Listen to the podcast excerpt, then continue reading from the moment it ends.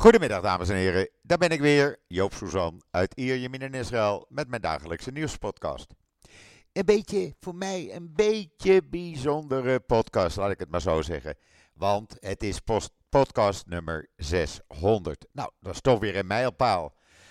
Eh, en dat zijn alleen de podcasten die ik dan heb gemaakt. En eh, ja, als je dan de andere podcasten erbij neemt die ik met Esther Voet van het NIW maak, dan zitten we daar royaal boven natuurlijk. Dan komen we al dicht in de buurt van de 700. Maar goed, voor mij blijft dit dus een beetje uh, bijzondere podcast. Ja, en dan uh, laten we eerst maar even met het weer beginnen. Het is gewoon hartstikke lekker weer. Het is 21 graden, blauwe lucht. Geen regen. Het is gewoon, uh, ja, beer om lekker in je truitje, je t-shirt, je polo shirt lekker buiten te lopen. En dat blijft het voorlopig even zo. Er zit niet veel regen aan te komen, gelukkig. Dus wat dat betreft hebben we weer een mazzeltje. Ja, en dan was er gisteravond een indrukwekkende toespraak van president Herzog. Eh, echt een, een toespraak uit zijn hart. En dat ging natuurlijk hoofdzakelijk over de oorlog die nog steeds gaande is. En die volgens uh, premier Netanyahu nog wel een aantal maanden kan gaan duren. Nou, daar zitten we natuurlijk niet op te wachten. Maar goed, het was een bijzondere toespraak die hij richtte aan de ouders, de partner, de vader, de broer, de uh, kleinzoon, de geliefde. Uh, want iedereen kent wel de pijn. Iedereen in Israël kent wel iemand of is betrokken bij uh, oorlogsslachtoffers. Of dat nou gewonden of uh, overledene, gesneuvelden zijn. Men is erbij betrokken. Iedereen kent wel een familie waar dat leed is. En die richtte die ook echt aan iedereen. Hij richtte hem echt aan de natie. En uh, het kwam echt uit zijn hart. Ik heb die toespraak helemaal vertaald. En die kan je dus lezen op israelnieuws.nl. Uh, echt een bijzondere toespraak en ik raad hem aan. Uh, heb je hem nog niet gelezen? Ga hem gewoon even lezen. Dan uh, weet je wat ik bedoel. nogmaals, het is iets, ja, ik vond het bijzonder. Laat ik het maar zo zeggen. Ja, en dan heeft de IDF gisteravond nog bekendgemaakt dat ze een tunnelnetwerk hadden ontmanteld. Waar een hoofdkwartier van Hamas was Waar slaapkamers waren, toiletten, douches. Ja, je kan je niet voorstellen, een werkplaats. Maar waar ze ook de lichamen van vijf militairen gevonden hebben. Uh, vijf militairen die of daar vermoord zijn of al dood waren toen ze vanuit Israël naar Gaza werden gebracht. In ieder geval, men heeft die, uh, die lichamen uh, naar Israël overgebracht. En daar zullen ze binnenkort worden begraven. Misschien vandaag, anders morgen. De video's daarvan kan je allemaal zien op israelnieuws.nl. Uh, dan heb ik ook een artikel neergezet uh, waar ze in plaats van schoolboeken en studenten in een school wapens en terroristen vonden. En niet een klein beetje ook. Ook daar zijn weer video's van. Kan je weer allemaal lezen. En dan kan iedereen wel demonstreren in Nederland en uh, uh, uh, de, de Hamas steunen. Maar als je dit ziet, die video's, dan begrijp je dat Israël met iets bezig is wat dringend noodzakelijk was.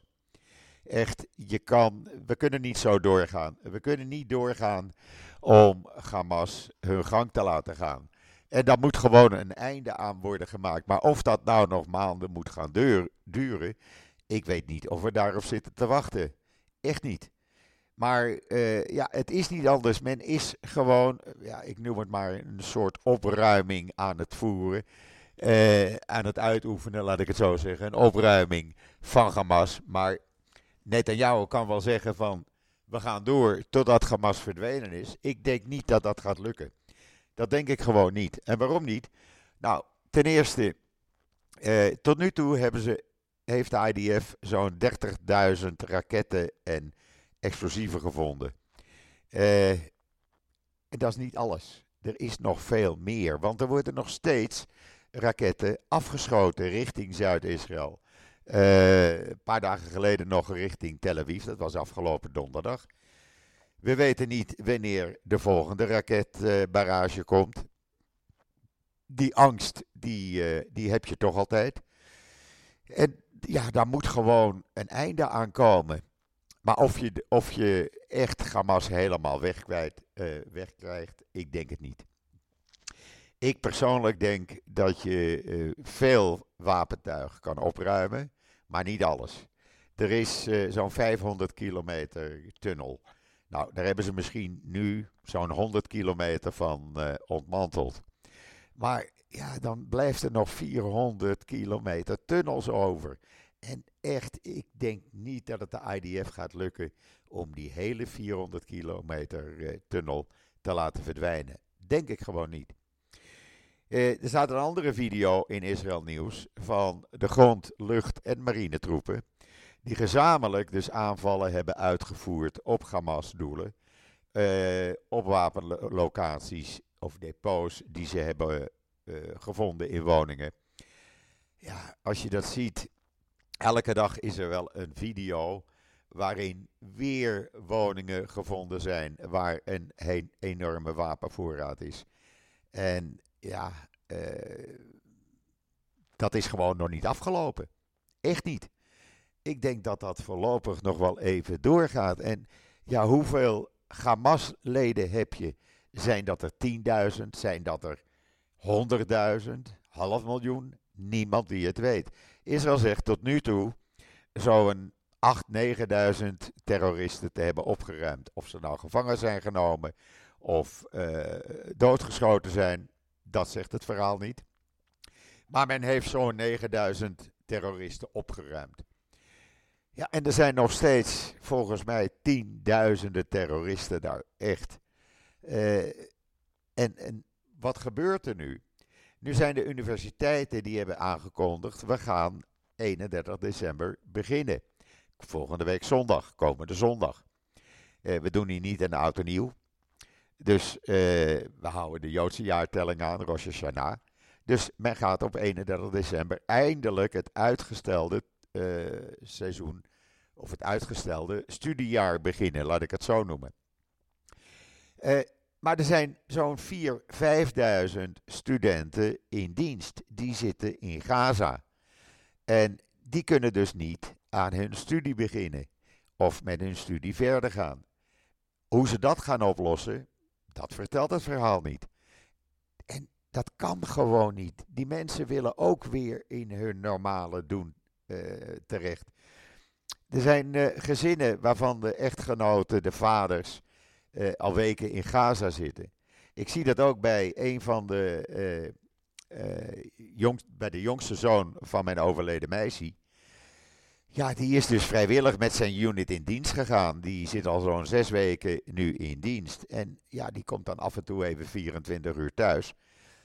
Maar hij heeft wel vier kinderen. En dan gaat hij weer weg. En waar die zit, ik weet het niet. hij zit bij een of andere geheime unit. Maar of hij nou in Gaza zit of ergens in de Negev zit, ik zou het niet kunnen zeggen. En die jongen is, of die, dat gezin is dus ook uit zijn normale doen.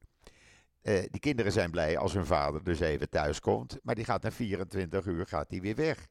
Ja, dat kan toch niet nog maanden zo doorgaan. Er moet een oplossing gevonden worden hiervoor. Want er zijn echt honderdduizenden gezinnen die, uh, ja, elke dag weer in de zenuwen zitten. Uh, overleeft mijn vader, overleeft mijn geliefde, overleeft mijn zoon. Want de gevechten gaan gewoon door. Maar goed, genoeg over, uh, over die gevechten. Zodra er weer nieuws is, vermeld ik dat. Maak ik daar weer een artikel over. Er is bekend geworden dat TikTok niet wil meewerken aan de gesponsorde campagne om de gijzelaars vrij te krijgen. Ze willen daar niet aan meewerken. Facebook heeft dat wel gedaan, Instagram heeft dat gedaan. Maar TikTok zegt: we gaan die campagne niet uploaden, want dat is politiek. En wij doen niet aan politiek. Ja, sorry. Ze werken wel mee aan campagnes die uh, de Palestijnen steunen. Maar uh, campagnes die de gijzelaars moeten vrijkrijgen. Daar werkt TikTok dus niet aan mee. Er blijkt ook een anti-Joodse sfeer binnen de TikTok-organisatie te zijn. Joodse medewerkers van TikTok melden nu, hier in de Israëlische pers, uh, dat er een uh, vijandige houding tegen de Joodse medewerkers is. Uh, ik wil niet zeggen dat het antisemitisch is, maar werknemers maken melding dat er vreugde was bij sommige arbeidsgroepen binnen TikTok na de vreedheden van 7 oktober. In verschillende landen, Amerika, Engeland en een aantal Europese landen, worden Joodse medewerkers geïntimideerd door andere medewerkers. Men voelt zich niet meer veilig, men wil hun baan wel behouden, maar ja, met een antisemitische of anti-Joodse sfeer is het geen pretje om te werken. En eh, klachten bij TikTok, eh, die worden niet geaccepteerd. Eh, TikTok werkt wel mee aan Palestijnse eh, zaken. En ze werken mee, ze steunen ook de BDS. Want zij hebben ook de BDS-oproep overgenomen, TikTok. Uh, om geen zaken te doen met McDonald's, Burger King, Pizza Hut en Domino's Pizza. Om er maar een paar te noemen. Een andere mede Joodse medewerker zei dat uh, de organisatie van TikTok geen controle meer heeft over alle 40.000 medewerkers. En elke verantwoordelijkheid van de hand wijst. Nou, dat weten we dan ook weer.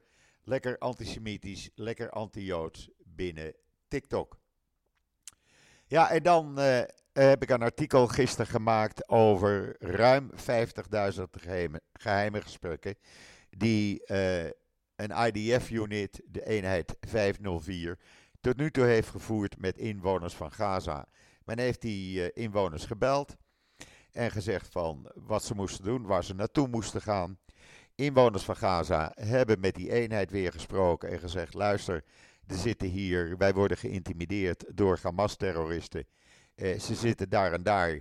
Ze hebben precies eh, opgegeven waar ze zaten, zodat andere IDF-eenheden die terroristen eh, naar de andere wereld konden helpen. Nou, dat heeft men gedaan, waardoor inwoners van Gaza bijvoorbeeld naar het zuiden konden vertrekken. Ik heb dat hele verhaal uh, vertaald en online gezet. Dat kan je ook lezen in uh, israelnieuws.nl. Uh, dan heeft de IDF, ja dat is wel bijzonder, dat stond in de Jeruzalem Post, heb ik op Twitter gezet, of X heet dat dan tegenwoordig. Na 13 jaar een, een tanktop, een tankvest teruggevonden van een soldaat. Uh, waar vond men dat terug? In een kledingkast in Gaza. Moet je je voorstellen, na 13 jaar. Israëls slak uit Beersheba, die komt met dit verhaal. En het hele verhaal kan je dus lezen in de Jeruzalem Post. Het is wel bijzonder hoor. Hij vond hem gevonden in een van de kasten in een huis waar ook veel. Het huis van een tandarts was het. Uh, of althans, het leek op een tandartshuis. in ieder geval, ze vonden daar, toen ze de lades gingen openen op zoek naar wapens, vonden ze die tanktop netjes opgevouwen in een van de laden. En het blijkt dat hij dus 13 jaar geleden door een Hamas-terrorist meegenomen was. En die is dus nu weer teruggevonden. Ja, is wel bijzonder natuurlijk. Uh, zo vaak uh, hoor je dit soort dingen niet. Uh, dan hebben we een ander verhaal. Waarin Egypte met een voorstel komt. wat mogelijk kans van slagen maakt. Het is een voorstel om een einde aan de gevechten te maken in drie stappen. Hoe zien die drie stappen eruit? Nou, de eerste stap zou zijn dat er een wapenstilstand komt van zo'n twee weken. Uh, in die twee weken zouden dan uh, eh, 40 gijzelaars, vrouwen, minderjarigen, ouderen en zieken vrijgelaten worden. 40 van de, naar schatting, 129 gijzelaars die er nog zijn in Gaza. zodra dat is gebeurd, zou die wapenstilstand door kunnen gaan naar drie weken of vier weken. Zo niet, dan is er in ieder geval een tweede fase waarbij onderhandelingen zullen worden gestart met de Palestijnse autoriteiten om uh, verschillende Palestijnse fracties die er nu zijn, uh, in een soort mm, veiligheidsregering, noodregering uh, onder te brengen, waardoor zij gezamenlijk zeg maar het bestuur over Gaza zouden kunnen overnemen. En dan zou er een derde fase zijn. Dat zou dus een langdurige periode van staakt het vuren inhouden waarbij de resterende gijzelaars uh, vrij zullen worden gelaten. Nou, men weet niet of dat nou kans van slagen heeft. Want wat wil uh, Hamas, of wat stelt het Egyptische voor de voorstel voor, dat in die derde fase een aantal belangrijke uh, Hamas-gevangenen zouden worden vrijgelaten door Israël. Uh, dat zouden ook Palestijnse gevangenen kunnen zijn, belangrijke, zoals Barghouti, die kans maakte op president te worden, maar die zit drie keer levenslang uit. En nog een aantal leiders van Hamas en Palestijnse Islamic Jihad. Of dat nou kans van slagen maakt, ik weet het niet, want daar is Israël niet zo blij mee. Men zit er niet op te wachten, laat ik het zo zeggen. Uh, er wordt over onderhandeld. Amerika is er ook bij betrokken. Of dat werkelijk uh, nu doorgaat, we zullen het zien. We gaan het afwachten. Uh, ik denk niet dat Netanyahu hiermee akkoord is. Uiteindelijk bepaalt hij het. dat zegt hij tenminste. Of dat zo is, ik weet het niet, want de IDF heeft ook nog wel een duit in het zakje te doen. En wil ook graag uh, meepraten. Maar ja, uh, Netanyahu is degene die uiteindelijk bepaalt wat wel en niet gaat gebeuren. We gaan het meemaken, we gaan het afwachten. En dan is er net bekend geworden, ik heb dat zelfs nog niet eens online gezet, maar een belangrijke officier van de IDF had voordat dat Supernova muziekfestival zou plaatsvinden, zijn bezorgdheid geuit over de veiligheid van dat uh, muziekfestival. Omdat hij dat een onnodig veiligheidsrisico vond, wat te dicht bij Gaza lag. Uh, jullie weten, op 7 oktober werden zo'n 360 uh, mensen gedood die bij dat muziekfestival aanwezig waren. Dat zijn hoofdzakelijk jongeren geweest. Of jonge mensen, laat ik het zo zeggen. En die bezwaren van deze officier werden gewoon van tafel uh, geveegd. Uh, hij, uh, hij uitte echt zijn angst voor een terroristische aanval. en voor de mogelijkheid van raket- en mortiervuur uit Gaza. Maar volgens de leiding van IDF zijn meerdere, laat ik het zo maar zeggen die veegden dit gewoon van tafel en zeiden van nou nee, dat valt wel allemaal mee. Dat muziekfestival op 5 en 6 oktober kan gewoon doorgaan. Nou, we weten dus allemaal, zoals ik zei, wat er gebeurde. Uh, eh, 360 jonge mensen zijn gewoon vermoord. Anderen zijn zwaar gewond. En dat is een grote ramp geworden. Ook de regionale raad van Escol wij, uh, verzetten zich tegen dit muziekfestival. Uh, maar werd ook van tafel geveegd. Welke officieren dat deden, dat weet men, of dat zegt men niet. Het is wel bekend. Maar ja, daar is het allemaal fout gegaan eigenlijk. Op 7 oktober kwamen dus die terroristen en later gewone burgers de grens met Israël over. En men ging als eerste niet alleen naar die kibbutzim toe, die uh, dicht bij Gaza lagen, of liggen, maar men ging ook naar dat muziekfestival toe. En daar zijn, zoals ik zei, 360 jongeren gewoon vermoord. En er waren nog meer bezwaren die van tafel werden geveegd, dat weten we ook. Want uh, degene die uh, Gaza in de gaten hielden vanaf Israël, de IDF-soldaten die de radar bekeken, die uiten ook, ook hun bezwaren. Want die hadden al maanden daarvoor gezegd: er gebeuren dingen in Gaza die niet kloppen. En ja, tegen hun, uh, dat zijn hoofdzakelijk vrouwelijke militairen geweest, tegen hun werd gezegd: ach, uh, hou daarmee op met dat gezeur, er is niets aan de hand. Uh, nou, we weten allemaal wat er gebeurd is. Deze officieren, het is bekend welke officieren dat waren, die, ja, die zullen na deze oorlog op het matje worden geroepen. En dat gaat dan door naar hogere. En dat zal uiteindelijk bij de IDF-leiding terechtkomen. Want ook die moet hiervan afgeweten hebben. Uh, we weten dat inmiddels uh, de IDF-leiding, de stafchef en de mensen om hem heen hun uh, verantwoording hebben genomen en gezegd hebben: oké, wij zijn verantwoordelijk voor wat er gebeurd is. dat wordt allemaal na de oorlog verder uitgezocht. We weten ook dat het hoofd van de Shin Bet de Binnenlandse Veiligheidsdienst en de Mossad, beide hebben gezegd zich verantwoordelijk te voelen voor het falen van uh, uh, uh, wat er gebeurd is op 7 oktober. En ja, uiteindelijk, Netanyahu heeft zijn verantwoordelijkheid niet genomen. Hij is degene geweest die zegt: nee, dat doen we na de oorlog, gaan we daar verder over praten. Maar ik ben niet verantwoordelijk. dat zijn de leiders van de diverse uh, veiligheidsdiensten, die zijn verantwoordelijk.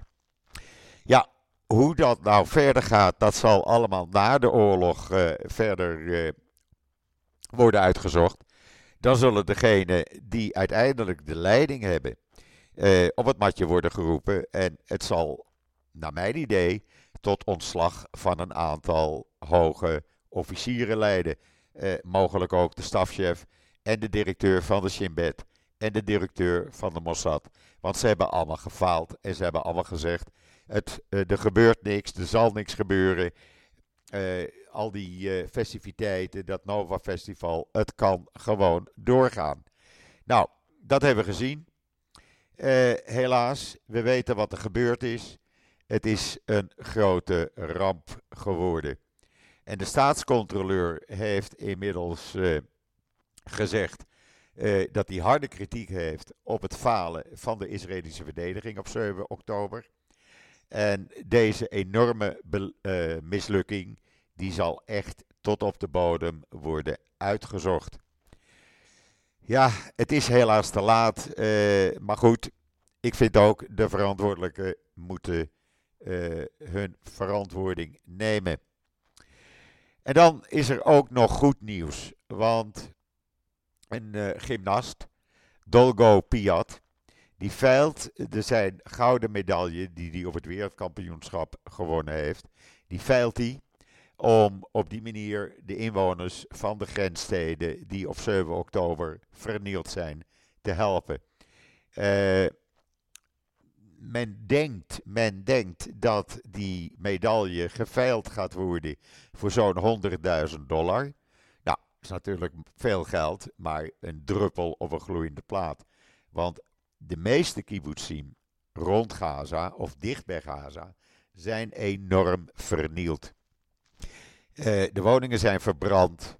Woningen zijn uh, van binnen gesloopt. Er zijn duizenden uh, Gazanen gewoon de grens overgekomen. die geen Hamas-lid waren. maar geroofd hebben. alles wat er los en vast zat. Uh, kleding meegenomen hebben, uh, keukenapparatuur meegenomen hebben, zelfs speelgoed hebben meegenomen.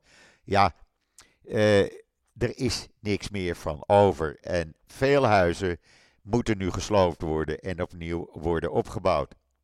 Er zijn, de meeste mensen zitten in hotels en pensions verspreid over Israël. In totaal zijn er zo'n 200.000 evacuees, vluchtelingen, mensen die huis en haard kwijt zijn.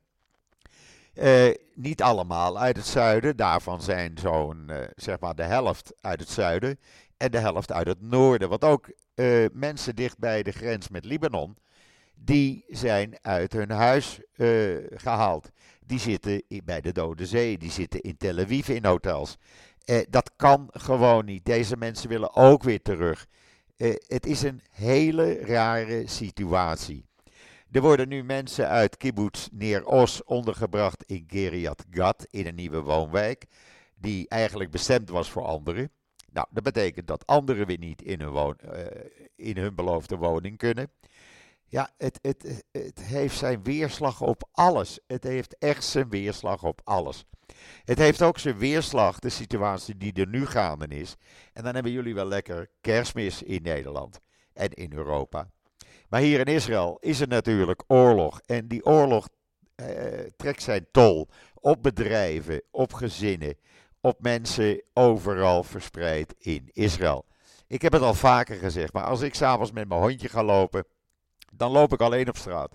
Mensen blijven binnen, eh, ook al is het lekker weer. Vroeger, voor 7 oktober, ja, was het druk. Mensen waren aan het rennen, mensen waren aan het wandelen. Eh, er was altijd wel iets te doen. En nu, ik ben blij als ik met mijn hondje s'avonds weer binnen ben. En dan praat ik niet over s'avonds heel laat. Dan praat ik over s'avonds rond een uur of negen. Eh, dat is toch niet echt laat, zou je zeggen. En zoals gisteravond was het gewoon lekker weer. En dan loop je weer alleen op straat. Het trekt zijn tol op alles. Ik ben afgelopen zaterdag voor het eerst, echt voor het eerst, ik, ik heb het geloof ik gisteren ook gezegd, voor het eerst in bijna drie maanden weer naar Tel Aviv gereden.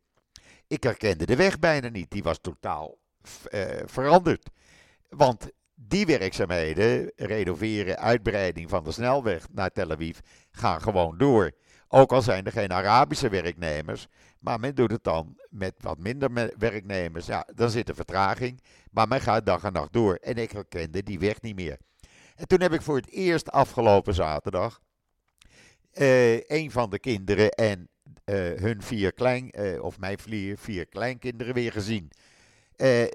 die waren ook blij dat ze me zagen. Want je komt daar voor het eerst weer na 7 oktober. En dat is toch een beetje een raar gevoel, kan ik jullie zeggen. Het is een, een, een rare wereld geworden op dit moment. Echt waar. Het is niet meer het Israël wat we kenden. Er wordt hier gezegd, er is een Israël voor 7 oktober en een Israël na 7 oktober. En echt, het is e vele malen erger. Vergeet niet, er zijn ruim 1200 mensen vermoord op 7 oktober. Er zijn 250 mensen in gijzeling genomen. Er zijn tientallen militairen doodgeschoten en meegenomen, hun lijken, hun stoffelijke overschotten naar Gaza. Het is een totaal andere wereld. En ja, hoe lang dit doorgaat, ik zou het niet kunnen zeggen. Echt niet. Uh, maar voorlopig zitten we ermee. En uh, ja, ik kan het niet veranderen, helaas. Ik kan er alleen maar over praten. En zoveel mogelijk de feiten zoals ze zijn aan jullie bekendmaken. En dat doe ik ook. Uh, als jullie mij willen helpen, de knop doneren, donatie, staat nog steeds op Israël Nieuws. Want ja, mijn kosten gaan wel door. Maar uh, ja, ik heb ook extra kosten. Ik heb nu weer mijn computer moeten laten repareren. Ik moet nieuwe geluidsapparatuur kopen. Als jullie een eurotje over hebben, heel fijn. Dankjewel alvast. Goed, dat brengt mij tot het einde van deze podcast. Morgen kom ik weer met een podcast met iemand die, uh, waarmee ik ga spreken. Ik zeg nog niet wie. Ik wil dat graag als een verrassing houden, dat vind ik leuk. Uh, maar het zal wel een, uh, een leuk gesprek worden. Echt waar. En ik probeer dat ook woensdag en donderdag te doen. Alhoewel het in deze tijd weer moeilijk is, want veel mensen die op vakantie zijn. Maar goed, ik doe mijn best daarvoor. Goed, dat brengt mij tot het einde van deze podcast. Ik ben er morgen weer en zeg zoals altijd: tot ziens, tot morgen.